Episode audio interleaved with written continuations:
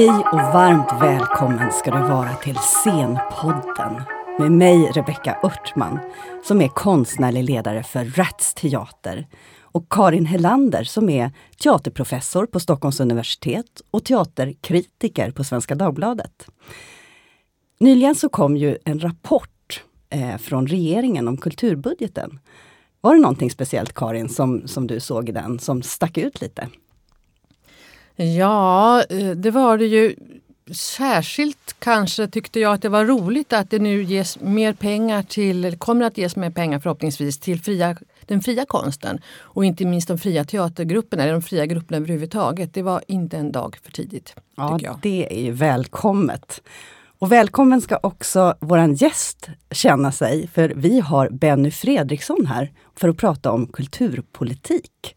Benny, vem är du? Jag är chef för Kulturhuset Stadsteatern. Det är den korta berättelsen. Och den långa? Ja, den långa berättelsen är väl eh, att jag är eh, född 1959, uppvuxen i Midsommarkransen i ett hem som inte hade så mycket kultur. Och där jag eh, när jag var 13 år så såg jag en pjäs som heter Tillståndet av Kent Andersson och Bengt Bratt på Stockholms stadsteater och kanske var en av min, eller var min första riktiga vuxenföreställning. Och den kvällen bestämde jag mig att jag ska ägna mig resten av mitt liv åt teater. Och på den vägen är det. Mm. Men idag ska vi prata kulturpolitik. Det är ett ganska stort språng, tänker jag, från Midsommarkransen till att vara en aktör i kultursverige på det sättet som du är. Kan du berätta, hur, hur ser du på det här med kulturpolitik? Vad är det för dig? Kring den tiden så gick jag också med i ett politiskt parti. Mm. Så min förankring har varit väldigt mycket av att, att vilja vara en del och försöka påverka eh, det här samhället. Mm.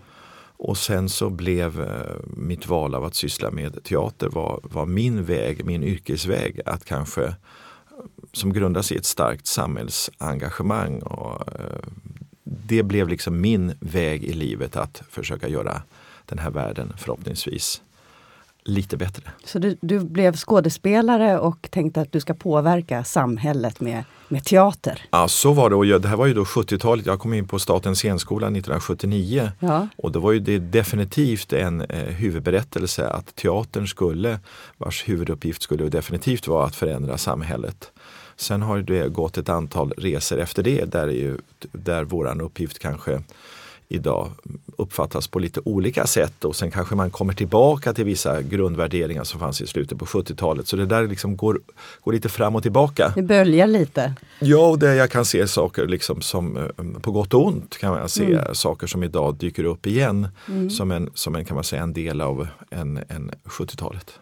Jag tänker på det är också en, det är ju ett hopp från tänker jag då att vilja arbeta med teater, komma in på en scenskola, ha en politisk eh, förankring och vilja någonting politiskt till att sen arbeta kulturpolitiskt. För det har du också gjort. Du har suttit i styrelsen för Kulturrådet och du sitter väl i flera styrelser tänker jag som är kulturpolitisk och teaterpolitisk förankring. Mm. Hur, hur ser den, eh, det hoppet ut från teater och politik till teaterpolitik och kulturpolitik? Politiken ska ju peka ut en slags inriktning. Politiken får ju aldrig vara i närheten av vad vi håller på med. Där jag ibland kan vara orolig för att politiken vill, alltså är så, vill använda vårt område till att vilja göra saker som kanske inom andra områden man inte har lyckats med så blir vi en väldigt eh, tacksam eh, värld att vilja eh, använda sig av. Mm. Och där gäller det att vi ja, inte är för för inlyssnande. Mm. Uh, utan har en egen linje som, som man vågar tro på? Ja, vi har ett konstnärligt uppdrag mm. uh, och sen har vi för mig kulturpolitiken en idé om att uh, som sedan 74 formulerades fortfarande bäst, det vill säga hur når vi så många människor som överhuvudtaget är möjligt. Att kultur skall vara för dig som vill läsa, som vill lyssna på musik, uppleva saker så ska, du, så ska det finnas en möjlighet för alla oavsett var man bor i landet, oavsett vilken bakgrund. Sen huret, det ska inte politiken syssla så mycket med. Nej, men du är ju chef för, för Stadsteatern, eh, Kulturhuset i Stockholm. Och sen är du eh, politiskt eh, på vilket sätt är du politiskt aktiv för kulturen? Jag är politiskt aktiv är jag väl, eh, eller jag, jag har ett uppdrag av Mm. politiken att försöka eh, utifrån eh, som jag ser politiken, de ska ju representera medborgarna, att försöka förverkliga deras idéer om, som jag tycker egentligen allting mer eller mindre handlar, handlar om, att nå tillbaka igen. Hur men når vi men flera? hur, hur gör du det? Jag tänker sådär för, för en vanlig lyssnare här och för en vanlig själ som jag. Hur ser ett sånt arbete ut? För mig är det science fiction, men det är bara så, liksom, ut, ja, så stort ord, kulturpolitik. Men i praktiken, är det att eh, mingla med ett glas i handen och försöka övertyga politiker i stadshuset? Eller hur, hur går det här till?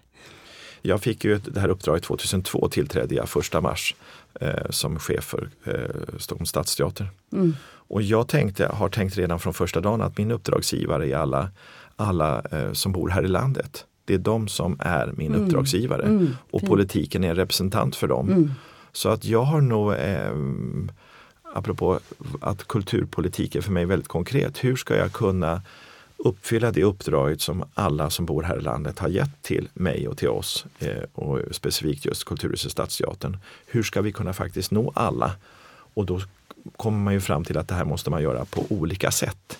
Man kan inte göra, nu ska vi göra en produktion eller produktioner som ska alla ska kunna gå och se. Utan jag tror att det vi har försökt göra eh, det är att göra olika saker för att på det viset kunna attrahera i förlängningen alla som faktiskt bor här i landet. Så, Men det är också en slags tanke som emanerar från den här som du nämnde, kulturpropositionen från 1974 som var otroligt stark när den kom och som fortfarande egentligen har grundat de kulturpolitiska mål som vi fortfarande har nationellt med vissa förändringar och så, men som fortfarande gäller i stort sett.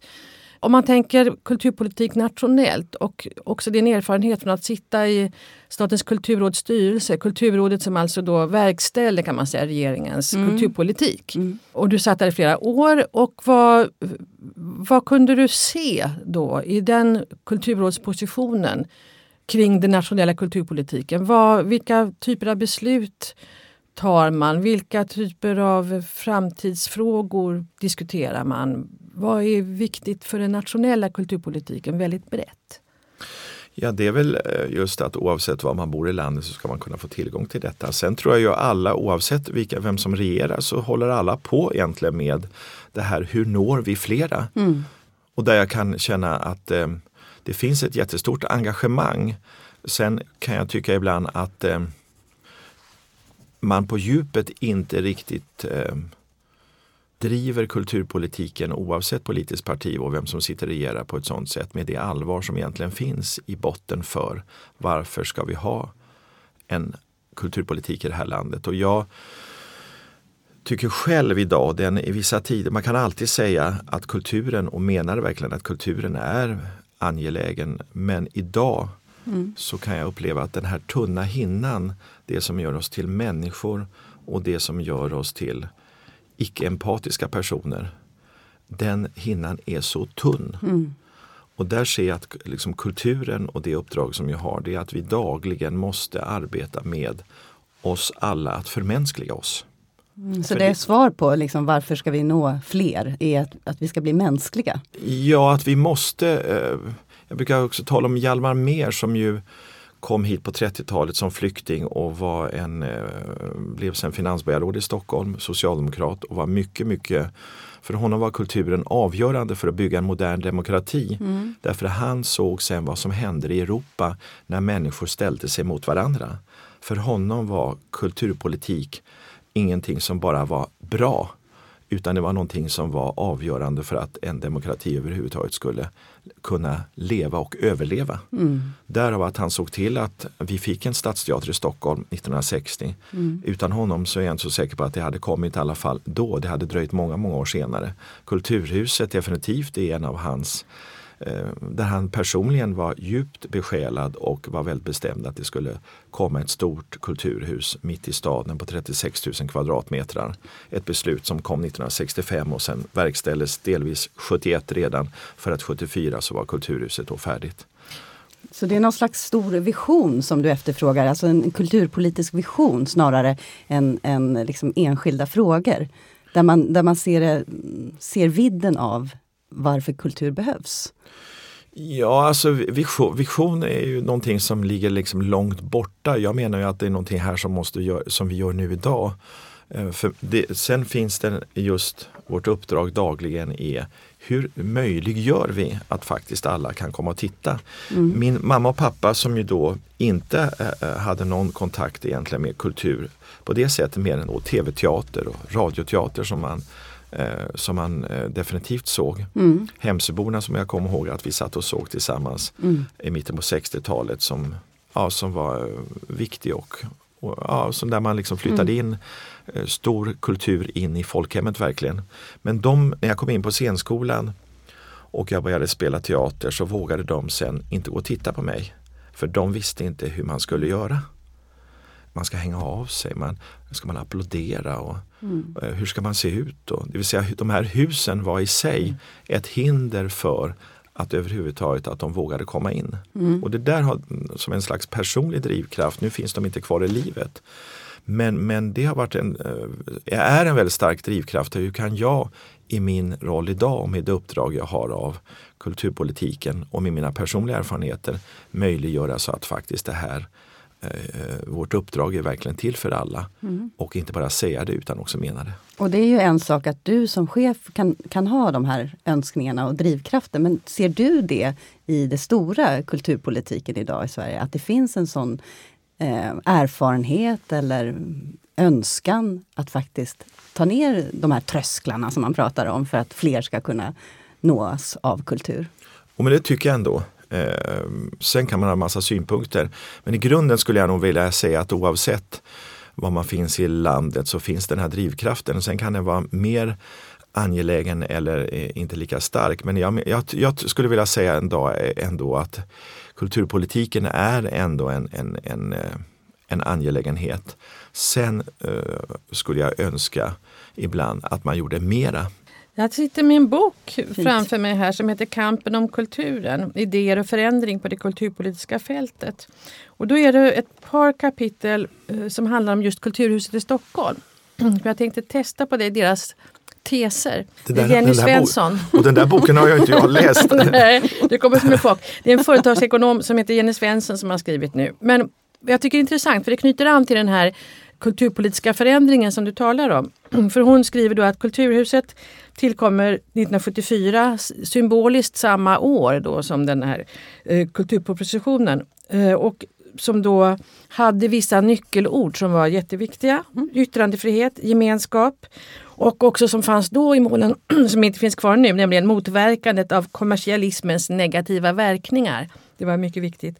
Och man vill också nå alla och inte minst eftersatta grupper med kultur. Och hon menar då att Kulturhuset när det byggdes och invigdes 1974 var en slags konkretiserande av kulturpropositionen och hela den kulturpolitiska rörelsen som handlade just om demokrati och nå alla. Mm. Och sen i ett annat kapitel så ställer hon det emot de tendenser som sen kommer under 1990-talet och 2000-talet som hon menar både färgar kulturpolitiken i stort men också Kulturhusets organisation. Och det här var då innan du tillträdde som chef för Kulturhuset ska jag säga. Men där hon talar om en trend som handlar om management, eh, företagstänkande, effektivisering i form av mätbara mål, rationalitet, kvantifiering och liksom en styrning som går på den typen av parametrar. Känner du igen det? Ja. Och vad tänker du kring det? Jag tänker att det är inte oviktigt att mäta. Alltså för att visa, eh, om man säger så att vi ska vara en angelägenhet för alla stockholmare, vi ska prioritera barn och ungdom. Då måste vi veta att gör vi detta och då måste vi också våga säga att nästa år, 2018, har vi för avsikt att nå så här många eh, barn. Mm. Annars kan vi ju inte riktigt veta om vi uppfyller uppdraget. Eh, sen är ju eh, det kvantitativa mål det är ju en del, sen har vi ju det kvalitativa. Eh, hur blev det? Fick man bara komma dit, men hur såg det sen ut? Vad var det för upplevelse man egentligen fick? Den andra delen är då svårare att mäta. Fick man ut någonting av det hela mer än att man kom? Mm. Om jag ska argumentera för mer resurser mm. så kan jag inte bara säga att jo, men det här är viktigt och därför behöver vi mer pengar. Ja, men det säger alla. Och då måste jag ändå ha ett antal eh, möjligheter att samtala om kvantitativa och jag tycker även kvalitativa mål där vi säger att jo men vi kan göra det här för de här resurserna. Och då tycker jag ju att den dialog som jag haft med politikerna under alla mina år har varit väldigt bra. Men finns det en fara ändå, tänker jag, beroende på vad man, vad man mäter? För jag tänker något annat som också färgar mycket av kulturpolitiken idag. Vi kommer att ha ett seminarium eller en diskussion här på universitetet som handlar om kulturpolitik och som har rubriken Kultur, lösningen på allt? frågetecken. Och det som också kom mycket med eh, den senaste kulturpropositionen, Tid för kultur, 2007 var väl det man talar om aspektpolitik, alltså kulturens och konstens instrumentella nytta. Att kultur ska vara bra för någonting annat ofta. Det kan vara hållbar utveckling och det kan vara hälsa och det kan vara miljö och det kan vara lärande, inte mm. minst lärande vad gäller barn och unga. Mm. Ser du någon fara med det eller vad tänker du kring aspekt politiken? Det är väl jättebra om man får massa, att vi har föreställningar i, eh, på kvällarna och det kommer en 1200 personer i Kulturhuset och att de gör saker kring detta. Det är väl jättetrevligt men det är absolut inte någon förutsättning för att det är det som är idén med hela verksamheten. Eh, där är jag mm, djupt tveksam till att hänga upp vår eh, existensberättigande på att vi är till nytta för ett antal områden. Man hade också ett antal, under ett antal år att stärka näringslivsperspektivet. Ja, mm. och, eh, Entreprenörskap. Och...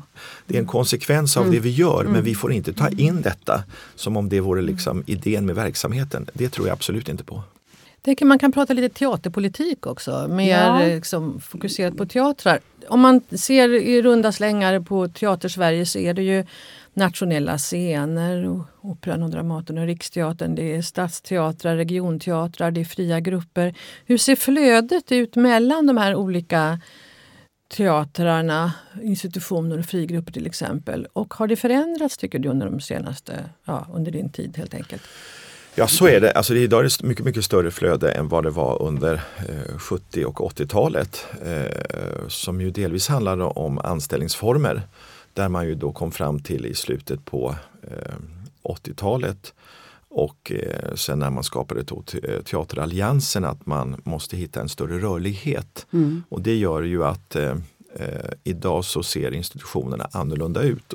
Vad är en, en teater idag? Vad är en scenkonstinstitution? Och för mig är det ju Byggnaderna må vara väldigt underbara och fantastiska men det är ju människorna som är där. Mm. Och hur bygger man upp det som är ett unikt eh, tilltal eh, som, som, som bygger på med antalet personer som faktiskt jobbar där sedan lång tid tillbaka.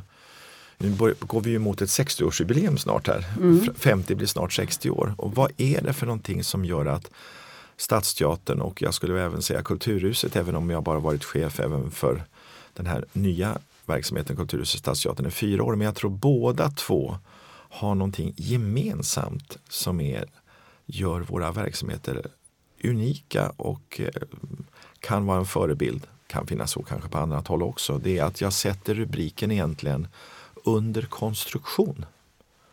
Vi blir inte färdiga. Vi håller inte på och förvaltar utan vi håller på och sen gör vi om. Mm. Och sen gör, håller, håller, vi på ett antal år mm. och sen gör vi om igen. Mm. Och det där finns underifrån skulle jag vilja säga i, som en slags inbyggd förhållningssätt från alla som har jobbat här sedan 1960 och sedan 1974. Att verksamheten hela tiden är i dialog med oss som arbetar, med de som kommer och tittar.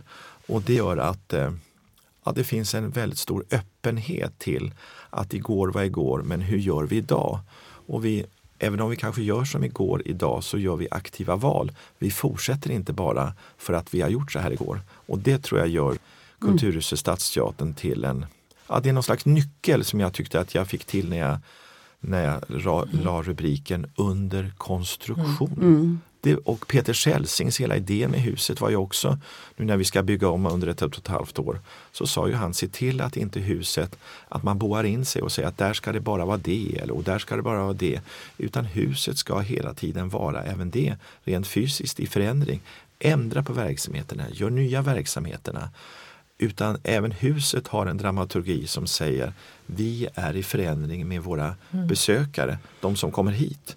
Och i det mötet med allt vad det innebär. Men jag tänker också om man lyfter blicken ännu mer eftersom du har suttit så länge nu på, på en maktposition. Att du också har erfarenhet av att se i ett nationellt perspektiv. Vilka är de stora utmaningarna i kulturpolitik? Om vi inte bara tittar på huset, Stockholms stadsteater, mm. Kulturhuset. Utan vad, vad skulle du säga är de stora utmaningarna?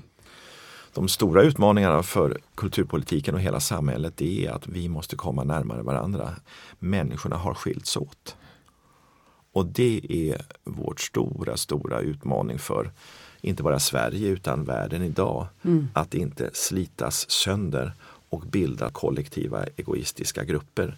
Utan att vi måste både vara i Stockholm, i våran värld, men vi måste också se att världen är större än bara vi som bor i Stockholm eller vi som bor i Sverige. Eller vi som bor på, i Vasastan eller Tensta. Hur får vi ihop människorna? Och där har ju vi ett, ett rätt så allvarligt uppdrag. Mm. Att vara en del av att försöka Skapa ett flöde där. Och hitta de mm. mötesplatserna ja. som gör att vi, ja. vi får ihop det. Ja. Och hur gör vi då tänker jag? För att det är ju som du säger, det blir djupare och djupare klyftor mellan olika grupper i samhället. Men vi lever ju också i ett väldigt starkt eh, medieklimat, ett digitalt landskap med sociala medier och eh, allt det här med faktaresistens och eh, fake news och så. Hur ska man skapa de här mötesplatserna och hur ska man få dit människor då från alla olika grupper till, är det samma mötesplatser? Ska det vara olika mötesplatser? Då blir det kanske för nischat. Hur tänker du? Vad, vad gör man pra i praktiken? Ja, i praktiken tror jag vi varje dag försöker hitta, eh, alla skulle jag säga anställda håller på. Eh, vi hade förra veckan en, ett jubileum, 21 år med Lava bibliotek och verkstad. En, en av de här diamanterna som jag tycker eh, finns i Kulturhuset. Som jag skulle vilja säga när man besöker verksamheten och eh, och reflektera vad de har gjort i 21 år så har de verkligen på allvar sett till att eh, göra saker tillsammans och där eh, unga, unga personer som aldrig skulle ha mött varandra verkligen i Kulturhuset har börjat göra saker. Vi har 10-13 som bygger också på det här stora mm. deltagarperspektiv. Ett bibliotek, ja. Ett bibliotek som då är för 10-13-åringar, inga vuxna för överhuvudtaget vara där och där jag ser hur personer som aldrig skulle ha träffats mm. möts och gör saker tillsammans. Då kan jag bli på djupet. Mm. Alltså då, då blir jag rörd därför att då gör vi någonting idag. Vi väntar inte till imorgon. Vi har gjort det och vi gör det hela tiden och vi utvecklar detta. Mm. Det är en fantastisk verksamhet. Och I praktiken så, så arbetar ni hela tiden med det här att nå en ny publik? Till exempel, ja, det tro, och, och där, där, tror jag liksom också det där med vårt uppdrag som har att vi har ett slags vi, är, eh, vi möts på eh, ögonhöjd. Mm. Eh, alltså det vill säga vi har ett ömsesidigt möte. När vi, när vi har verksamhet i Skärholmen och inte bara kommer dit tillfälligt utan är där, då blir vi också förändrade, mm. vi som arbetar där. Så att det är verkligen så att inte vi kommer att ge någonting utan vi påverkar varandra och det blir någonting helt nytt. Och där kan man ju se att verkligen att många kulturaktörer arbetar för, för att liksom nå ut och nå nya grupper. Men jag tänker också att det måste ske på högre ort, ett sånt arbete, där du väldigt framgångsrik och skickligt har fått eh, mera pengar, finansiering för, för din verksamhet. På vilket sätt jobbar du när du sitter i olika styrelser? Till exempel hur många styrelser sitter du i? Vi måste infiltrera på många nivåer tänker jag. Jag sitter i några, jag sitter i några styrelser idag. Men jag tror att min, min eh, tillbaka, det, det, har ju grundstrategi och det tror jag är, vi som håller på med det här måste förstå att vi inte ska rikta in oss till, och det kan vara underbart med underbara kulturministrar och kulturborgarråd och utbildningsministrar och annat. Underbart när de är engagerade. Men min ingång har varit i, för mig är att ha ett förhållningssätt till i första hand då 864 957 personer brukar jag säga som idag är mantalsskrivna i Stockholms stad. Och alla de besökare, det är de jag vill ha en daglig kontakt med. Och sen får, är politiken på något vis en representant för dem. Men jag, är väl, jag vill jobba med alla. Eh, och det gör både ledarskapet och vårt uppdrag lite enklare. Det är därför jag tycker att jag efter så många år nu, när- snart 16 år, känner mig så i grunden road. Därför att jag tycker verkligen uppdraget både från politiken men inte minst från de som kommer till oss, är det dem jag vill tala med. Och då är när det, när det blåser till och när det kan vara lite tufft, då är det hyggligt ändå enkelt därför det är de man ändå Nej, som jag tänker i alla fall, det är de som har gett oss uppdraget och vilket ansvar har jag inför dem. Så är det, men jag tänker också att eh, de, de grupper och de besluts eh, incitament som finns, de måste ändå ha en förståelse för vad kultur är. Upplever du att folk vet vad kultur är idag? På olika sätt förstås beroende på vad man är. Eh, Så det är inte självklart att säga att, att folk kan ju uppfatta och även eh, politiken att man kan eh, benämna kultur på ett väldigt brett sätt. Eh, Har du haft som uppdrag att faktiskt bilda människor som, som sitter på beslutsfattande positioner i vad, vad kultur kan få för betydelse? Jag har alltid försökt att förstå politiken. Eh, och ur det så har vi, tycker jag alltid, har jag haft en väldigt god relation tycker jag till politiker.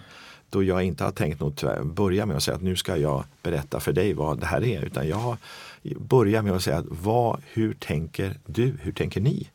Och ur det uppstår ett eh, möte mellan, och då i det här fallet mig ytterst då som chef för en verksamhet. För att, för att vi måste försöka förstå varandra. Och då börjar jag med att försöka förstå hur tänker politiken. Och då har jag tyckt att det har varit, gått rätt så lätt att politiken har också i det varit väldigt öppen inför att, att, eh, att jag som chef har försökt förstå vad vill de folkvalda? Mm. Finns det någon konflikt i, i vilken eh, färg som sitter i styren, styrande i Stockholms stad? När du under många år jobbar nära en regering som sen byts? För, förra per- perioden så satt ju en alliansen under en åttaårsperiod. Annars brukar man ju liksom byta majoritet i Stockholm. Och så har det varit och det är en del, har varit en del av Stockholms liksom rytm Historia, i det hela. ja, och där vi ja. tjänstemän tycker jag är väldigt bra på att lyssna in. Vad vill nu den här majoriteten som då eh, medborgarna har röstat fram? Och att lyssna in det, det har också varit för mig en väldigt viktigt i att en, på djupet en respekt för demokrati. Att lyssna in eh, vad vill de folkvalda. Och sen måste jag med min kunskap försöka omvandla det och säga att det, då kan man göra så här eller man Mm, kan det göra så en här. viktig eller så här. uppgift, tänker jag, att- Ja, och som, jag, som jag tycker är väldigt kul att försöka Ja. eh, att just förstå därför att eh, politiken har justeringar. Det är inte så att de tycker väldigt olika men de har olika slags prioriteringar hittills i alla fall i de senaste majoriteterna. Och det är ju, vi, ska ju vi tjänstemän lyssna in. Nu har jag en knepig fråga, tror jag, eh, som handlar om kulturpolitik i teori och praktik. Eh, Om man då tänker på rörelser i kulturpolitiken idag, som det här med instrumentell nytta, kulturen bra för någonting annat, också kultur i ett väldigt aktivt mediaklimat. Kan du se att det har påverkat liksom konsten, scenkonsten, repertoaren på ett eller annat sätt? Ja, det tror jag. Och hur?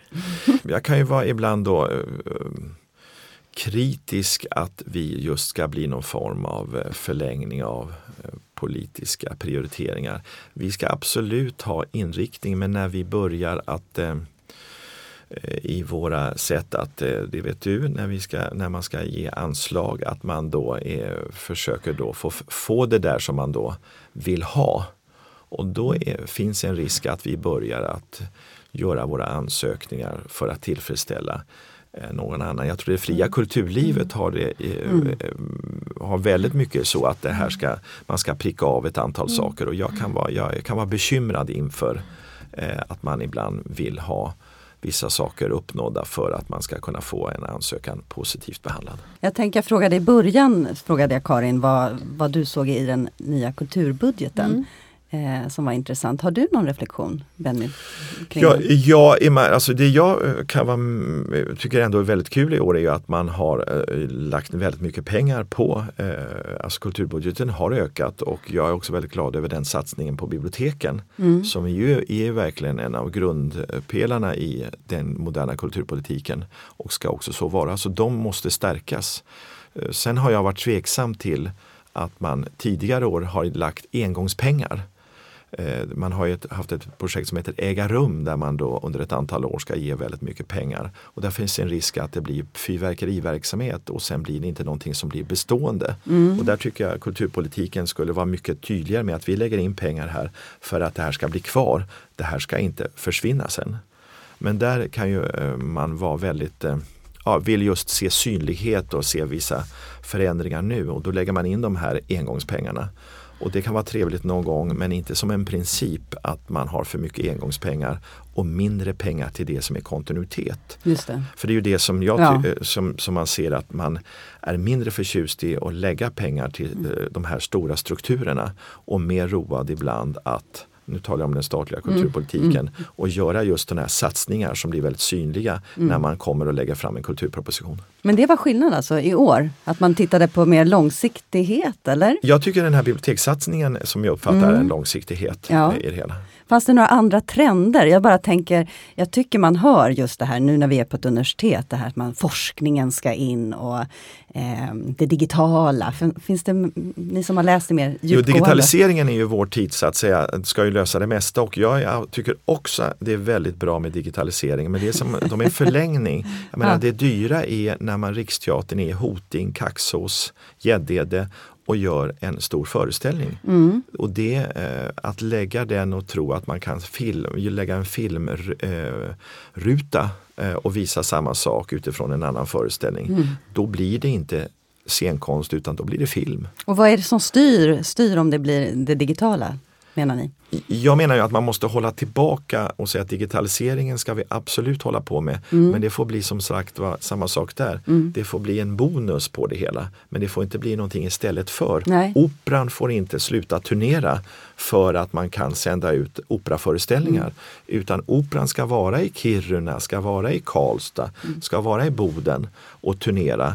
Och man ska kunna se Elektra på, självklart på en föreställning som går på inne på Gustav Adolfs torg. Men det måste vara både och, det får inte vara antingen eller. Men Jag tror det är både och. Jag tänker Rebecka Rättsteater som du eh, leder som ju verkligen är också en digitaliserad teater i hög grad. Och det är ju fantastiskt som ett medel. Men jag tror också att det, att det kan vara otroligt intressanta konstnärliga verk men samtidigt så finns det nog en motrörelse som handlar om att man behöver platsen just, alltså närvaron tillsammans i ett rum man upplever någonting tillsammans. Så den, mm ja, det är både och tror jag. Också. Men var det mer pengar i, för, för digitalisering? Eller? Ja, Riksteatern, Operan och Dramaten har fått ö- 15 miljoner öronmärkta eh, Oj, miljoner för att nå, nå ut. Eh, Ja. Mm. Så absolut, och det är, ju en, en, det är ju en fingervisning att det här är någonting som man är angelägen om från statsmakternas Mm. sida, att det också får kosta pengar. Och det är eh, bra, Mm. absolut. Men man får inte se att nu kan vi liksom sluta turnera. Utan snarare att nu kan vi turnera kanske lite mera för att vi får de här pengarna också. Just det. Men sen tänker jag också, som jag tyckte var bra också, att det kommer mer pengar i budgeten till fria konstnärer, fria teatergrupper eller fria grupper överhuvudtaget. Det är ju jättebra men det är fortfarande för lite för många eh, grupper. Jag, vet, jag satt i referensgruppen för fria teatergrupper i många år. Mm. Problemet var ju att det finns alldeles för lite pengar. Det finns väldigt många bra frigrupper i Sverige. Mm. Pengarna räcker inte på långa vägar till att liksom göra, ha hållbara arbetsvillkor överhuvudtaget. Mm. Och nu blir det ju lite bättre med 25 miljoner till men det eh, behövs mer. Ja, därför att eh, institutionernas, skulle jag vilja säga, eh, utveckling under 90-talet och början på 2000-talet grundade sig i det enormt vitala fria eh, scenkonstlivet. Så att vårt sätt att arbeta idag skulle jag säga, det grundar sig i att de gick eh, i, i, som plogfåra till att tänka på ett nytt sätt. Läser du, sitter du och lusläser eh, partiernas kulturpolitiska program? Eh, mera eh, kan man säga när det närmar sig valår så läser jag dem väldigt noga.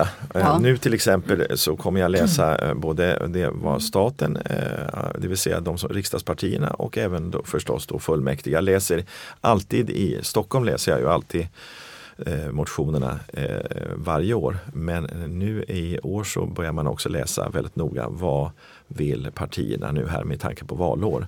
Kan vi se eventuella några förskjutningar? Det ska bli väldigt spännande att se om några veckor vad de tänker sig. Har du några tankar att, um, vart det lutar? Vad tror du?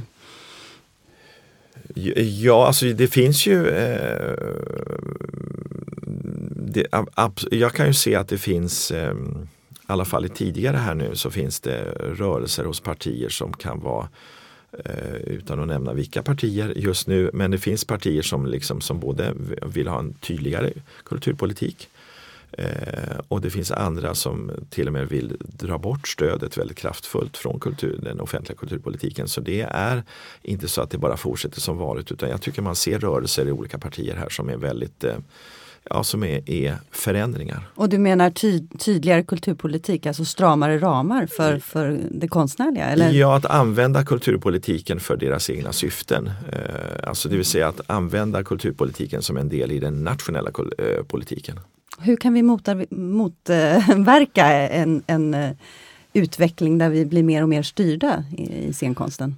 Genom att vi ska ha verksamheter där man har armlängds avstånd mellan politiken eh, och de som så att säga, genomför det hela. Jag sitter i Sveriges Televisions styrelse och där är ju, tror jag nu med både utredning som handlar om finansieringen och även ett nytt eh, regleringsbrev eller nytt avtal mellan staten och eh, Sveriges Television, Sveriges Radio och Utbildningsradion hoppas jag kommer stärka självständigheten och det tror jag de, eh, i princip nästan alla politiker idag är måna om att mm. politiken ska vara väldigt långt ifrån innehållet. Och det tror jag eh, är bra den diskussionen. Men eh, alla är inte där men många partier ändå formulerar detta idag och det tror jag är ännu mm. viktigare för framtiden. Med tanke också på hela regionaliseringen där ibland politiken kan ibland vara väldigt nära eh, de konstnärliga utövarna. Mm. Det är både bra med engagemang men samtidigt är det bra också att det är mm. armlängds avstånd. Mm. Det var ju mycket det som var på tal när den här samverkansmodellen sjösattes för ett antal år sedan med regionala eh, penningpåsar men som sen ändå måste så att säga, godkännas eller tas av, av eh, Kulturrådet. Att man var rädd för att en armlängds avstånd skulle minska betydligt också. Men vad som ändå har hänt som det verkar är att det har inte hänt så mycket egentligen. I, ja, det är ett starkt engagemang men rent ekonomiskt har det inte varit några större omfördelningar. Inga omfördelningar men det man kan se då i vissa delar är ju då att Västra Götaland och inte minst Skåne där har man ju stärkt eh, kulturbudgeten från regionen. Däremot från staten har ju inte eh, överhuvudtaget rört sig. Eh, mm. Vi fick från staten 2003 50 eh, 50,6 miljoner och i år så kommer vi få, eller nästa år då, 52,7 miljoner. Och, då är det, och det här är nominella tal, så mm. man kan ju säga väldigt tydligt att staten sakta men säkert håller på att dra sig tillbaka och att regionerna får ta ett mycket, mycket större ekonomiskt ansvar för kulturpolitiken. Och det, där kan man säga, om det är någonting jag är väldigt kritisk emot så mm. är det att staten inte tar ett aktivt ansvar om lika princip att man oavsett var man bor i landet så ska man få en garanterad kulturmöjlighet. Mm. Eh, man kan säga att det här började början på 90-talet eh, i med den ekonomiska krisen. Förut var det ju så i princip om att under, från mitten på 70-talet till i slutet på 80-talet så gav staten en krona så gav staten en krona. Mm. Det vill säga man följdes åt väldigt mycket mm. i att ungefär nästan 50-50. Mm. Men sen kom ju den ekonomiska krisen och sen kom istället för grundbelopp så kom det olika slags grundstödsmodeller och det har gjort att man sen har backat och backat och backat. Så att eh, jag är ja, bekymrad över att staten inte vill ta ett kulturpolitiskt ansvar värd namnet. Eh, man säger saker men i, och det är bra, men i praktiken när det gäller pengar till institutionerna så är det klart mm. bekymmersamt. Mm. Sen kan man ju skära teaterpolitiken och, på andra ledder också tänker jag. Om man talar just kring eh, hotbilder för kulturen då man lusläser partiernas mm. kulturpolitiska program och ser att det finns ändå krafter som eh, är för en eh, exkludering och, eh, av kulturen till exempel. Man kan också tänka på teaterpolitik som arbetsgivare och arbetstagare och då tänker jag att Svensk scenkonst som är arbetsgivare Eh, organisationen då, där du också sitter i styrelsen och Teaterförbundet då som är sidan. Att där har man ändå ganska gemensamma intressen. Men finns det, vad finns det i den arbetsgivar-arbetstagardiskussionen kring teater och teaterpolitik som skiljer? Var, var finns konflikterna där? Eller var finns diskussionens kärna där just nu? Jag tror att det handlar om att vi ska, nu sitter vi i arbetsgrupper och tittar på eh, eh hur ser våra, eh, hur, hur, både möjliggör vi tryggheten inom eh, våran bransch och samtidigt eh, så måste vi också hitta möjligheter till att eh, skapa också eh, rörelser inom de här institutionerna. Eh, alltså hur ser kontrakten ut? Alltifrån tillsvidareanställda, långtidskontrakt och annat. Och där ju Teateralliansen, Dansalliansen och Musikalliansen är, är väldigt bra broar som ett komplement till en eh, tillsvidareanställning på en teater eller ett konserthus. Kanske måste förklara vad Teaterallians, Musikallians och Dansallians är om man inte vet det. Alltså det är någonting som är helt fantastiskt. I slutet då på 90-talet, 98 så eh, skapade Teaterförbundet och eh, Svensk scenkonst eh, skapade man någonting som hette Teateralliansen. Det vill säga man har då, idag tror jag att det är 200 tjänster mm. som man då har och man är anställd i Teateralliansen och sen tar man tjänstledigt därifrån när man börjar jobba på en teater eller har en filminspelning. Det vill säga istället för att bli arbetslös så går, återgår man till en anställning. Mm. Och det där skapar ju en brygga mellan olika jobb och eh, som är helt fantastisk. Mm. Egentligen borde det finnas akademikerallianser ja. och det borde finnas mm, byggallianser och annat. Mm. De har också fortbildning och mm. kurser för de som då inte har jobb utan som är på alliansen där man då kan fortbilda sig mm. helt enkelt. Det är ju ett otroligt erbjudande. Och det var ett sätt där, där ju, tror jag många skådespelare såg att efter tre år var det på den tiden så eh, antingen skulle man bli tillsvidareanställd eller så fick man sluta. Mm. Och eh, där man sa att liksom, jo, men vi vill att du ska vara kvar men vi kan inte bli fler tillsvidareanställda. Mm. Och då skapade man i samförstånd verkligen detta. Och nu står man väl liksom inför framtiden och, säger, och liksom ser hur har det blivit? Mm. Och där man ser att de tillsvidareanställda ändå som fanns kvar, mm de har blivit färre och hur skapar vi en trygghet och ändå då en dynamik inom eh, att hitta nya former för anställningar. Och det tror jag att hittills har vi väl just nu varit en liten bit ifrån varandra men nu sitter vi, tycker jag, i partsammansatta grupper som är, jag hoppas att vi ska röra på, även på denna fråga framåt. Men annars är det precis som Karin säger, du, mm. att vi har i grunden har vi väldigt mycket oftast samma eh, syn på hur vi tycker att våra ägare inom det offentliga ska eh, göra. Mm. Eh, och det gäller alltifrån pensionsuppgörelser som vi har gjort för ett antal år sedan där vi hade en samsyn där vi kunde då göra en helt ny, också unik pensionsreform. Mm. Om man ska prata någonting kring, kring makt. Upplever du att du har en maktposition? Ja. Och hur, hur hanterar du det? Jag har alltid varit sagt att jag är, eh, vill ha makt. Mm. Eh, men makten har ju för, eh, förstås på djupet inget värde om den inte är just eh, används till att ha ett uppdrag som är större mm. än att vilja ha makt. Och där menar jag att luta mig mot då en, ett uppdrag som jag får från, i mitt fall då från staden. Då är makten ett medel för att kunna genomföra saker.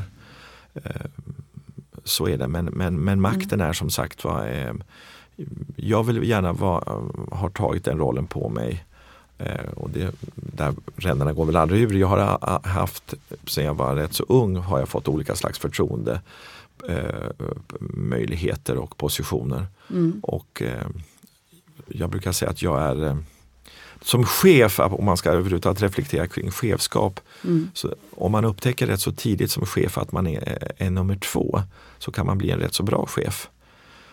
Hur då? Hur ja, alltså att jag är till för Eh, mina medarbetare. Mm. Jag, menar, jag kan sitta på rummet och ha vilka idéer som helst. Eh, och de kan vara hur geniala som helst men har jag inte medarbetare som kan genomföra det här och som är eh, då är, betyder ju det här ingenting. Mm, mm. Så jag, jag, brukar säga att jag är till för de som jobbar med mig. Att möjliggöra, att möjliggöra för, för de uppdragen, mm. att ge, fördela ut den makt jag har genom att säga du har den här Eh, uppdraget och du har den här ramen och inom det så ska du kunna få fatta de beslut som du vill. Och sen får vi väl tala med varandra och utvärdera det om mm. något år. Mm. Så ansvarsfrågan kommer också där? Ja, ansvarsfrågan är jätteviktig och där tror jag också att mitt jag har ju också förändrats i mitt sätt att eh, tror jag, leda verksamheten. Mm. Alltså jag, när jag började så tror jag att jag var mycket mera Eh, att jag, eller jag vet att jag centraliserade väldigt mycket och tog makt till mig. Mm. Eh, och sen så har jag eh, under de här åren så har jag förändrats och verksamheten förändrats och vi satt här för två och ett halvt år sedan och skulle då lägga upp en, ett förslag som jag hade till en väldigt tydligt decentraliserad organisation för verksamheten. Mm. Och då sa en skådespelare, men Benny varför sa du inte det här för tio år sedan? ja. Det är ju jättebra. Ja. Och då sa jag att ja, men då var varken jag eller ni där. Nu är, har saker hänt som både att verksamheten och jag, vi har förändrats tillsammans. Så nu är vi där vi är nu och därför kan vi genomföra en jättestor decentraliserad organisation. Mm. Eh, så att det gäller att, att, eh, och det tror jag att jag hade aldrig kunnat vara kvar så länge som jag har varit om jag inte hade förändrat mig. Mm. Och det tror jag också som ett slags grundpåstående i ledarskap att om jag ska förändras så måste du se på mig att jag förändrar mig mm. först. Mm. Först då kan vi förändras tillsammans. Mm.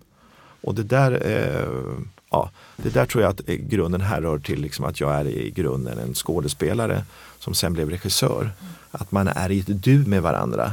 Jaget, man kan inte göra en roll själv utan jag gör rollen med tack vare dig. Det är mm. du som gör rollen mm. åt mig. Mm. Och hur ser det samspelet ut? Just det. Kan man översätta det till något nationellt tänk, att var vi befinner oss nu? Jag tänker på det här med eh, det kulturpolitiska landskapet, att det har varit mer centraliserat och nu eh, kanske inte har samma eh, toppstyre, att det är utlokaliserat de här pengapåsarna till, absolut, så tror jag till det, hela, hela, Sverige. Absolut, så den goda tanken är absolut så. Eh, sen får det inte bli så när man decentraliserar, för det kan ju finnas en baksida av det här, är det att den som då lägger uppdraget säger att som staten kan då säga att ja, men det där, vi ska inte blanda oss i om mm. ni vill lägga ner X symfoniorkester. Mm. Det där är ert ansvar. Mm.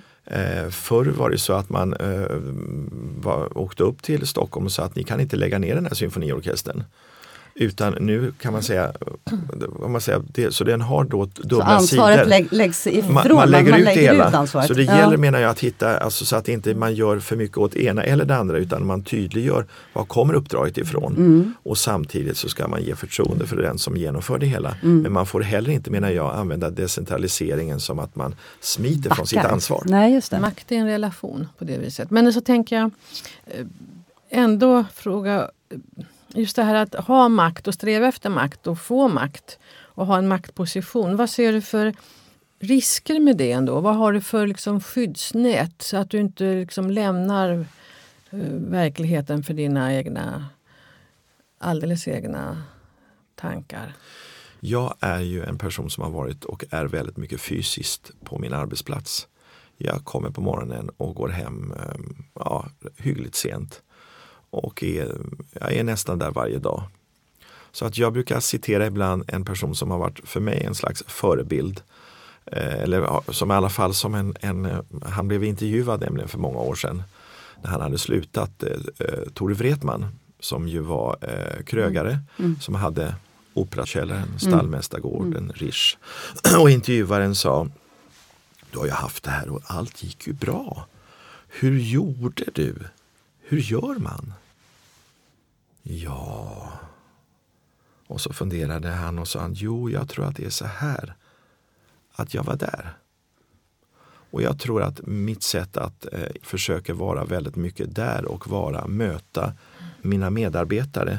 Och det ger någonting att jag blir speglad som gör att jag försöker mm. inte bli någon annan än den jag är. Och ha personer runt omkring mig som gör att som kan säga saker som kan till synes vara väldigt tuffa men som gör att jag är och vill vara i förändring. Mm. Eh, och då måste man vara där väldigt mycket. Mm. Man måste möta människor, man behöver kanske inte säga någonting mm. utan man ser på din blick. Man ser du tittar ner, du tittar inte ner. Mm. Eh, man är närvarande. Vi kallpratar ja. i hissen och då ja. kan det vara, man känner att är det någonting som gör att, en, har man ett samtal mm. eh, som gör att människorna känner sig, eh, sig som sig själv när man möter någon. Och det där ser man ju. Och hur kan jag så att säga verka som gör att människorna är sig själva och kan vara i sin fulla kraft. Det, mm. det tror jag att jag i alla fall, det har varit ett sätt för mig att, att, liksom, att inte makten blir en berättelse för mig i sig som blir viktigare än uppdraget. Mm. Utan jag vill vara med människorna och ur det så tror jag att jag Men du är ingen chef som är hej och kompis väl? Särskilt mycket. Nej det är jag inte. Alltså jag tror att jag är Min självbild är att jag är Jag tycker om att vara med människor men samtidigt så är jag eh, tydlig i mitt ledarskap. Eh, Så är det. Jag är ju en sån som aldrig går på en premiärfest. Jag kan hålla premiärtal och sen går jag hem. För jag tror just att det är bra att man har en positiv distans och jag tror också mina medarbetare man tycker det egentligen. Behöver att- festa loss utan dig där. Ja, men chefen eh, säger någonting och sen går chefen hem. Och Ja. Det där upplevde jag i första åren som lite ensamt. Mm. Men kom fram till att den där ensamheten också var någonting som jag kunde bli vän med och som inte var helt fel. Mm. Om du skulle bli kulturminister, vad skulle du göra då? Ja, då skulle jag faktiskt eh, eh, säkerställa ordet skall vid några tillfällen. Eh, nu har man ju bör eh, och jag skulle säga alla barn och unga skall. Eh, jag skulle göra, se till att även om finans, säkerligen ministrar och skulle inte säga att du får inte säga skall utan det är någonting som jag skulle göra. Jag skulle göra ett antal skall utifrån den en nationell kulturpolitik. Här ska ingen kommun eller enskild rektor eller vem det nu kan vara Nej. välja bort Mm. för barn och unga. Utan barn och unga skall. Det ska vara förpliktigande. skall. Precis som vi har en bibliotekslag idag, Ja. även om den kan vara lite liksom rund i kanterna så är det ändå en bibliotekslag. Eh, och det måste man ändå förhålla sig till i alla kommuner. Tack Benny Fredriksson för att du kom hit till Scenpodden och pratade kulturpolitik. Tack för att jag fick komma hit. Och tack Karin för eh, ett bra samarbete igen. Tack ni, själv. Ni träffar oss igen om ett par veckor, då med en ny spännande gäst. Missa inte det.